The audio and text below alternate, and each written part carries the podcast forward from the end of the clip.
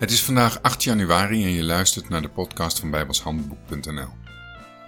Iedere dag een korte overdenking met als doel je geloof op te bouwen en te versterken.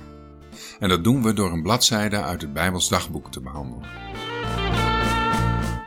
De muziek bij deze podcast is geschreven en uitgevoerd door Jack Andrew. Ik wil beginnen met Handelingen 17 vers 11 waar staat En deze waren edeler dan die te Thessalonica waren.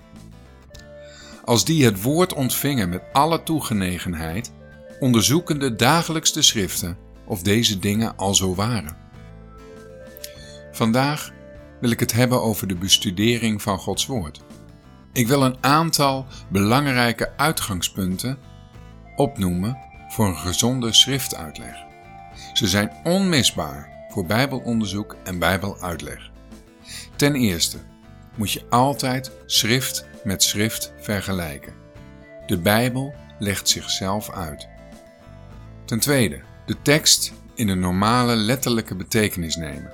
Tenzij vanuit de tekst zelf goede redenen te zijn te geven om dat niet te doen. Ten derde, een Bijbelgedeelte moet uitgelegd worden vanuit het directe verband waarin het gedeelte staat en in het licht van de gehele Bijbel.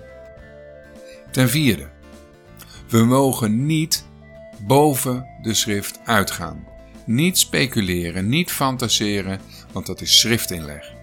Inlegkunde.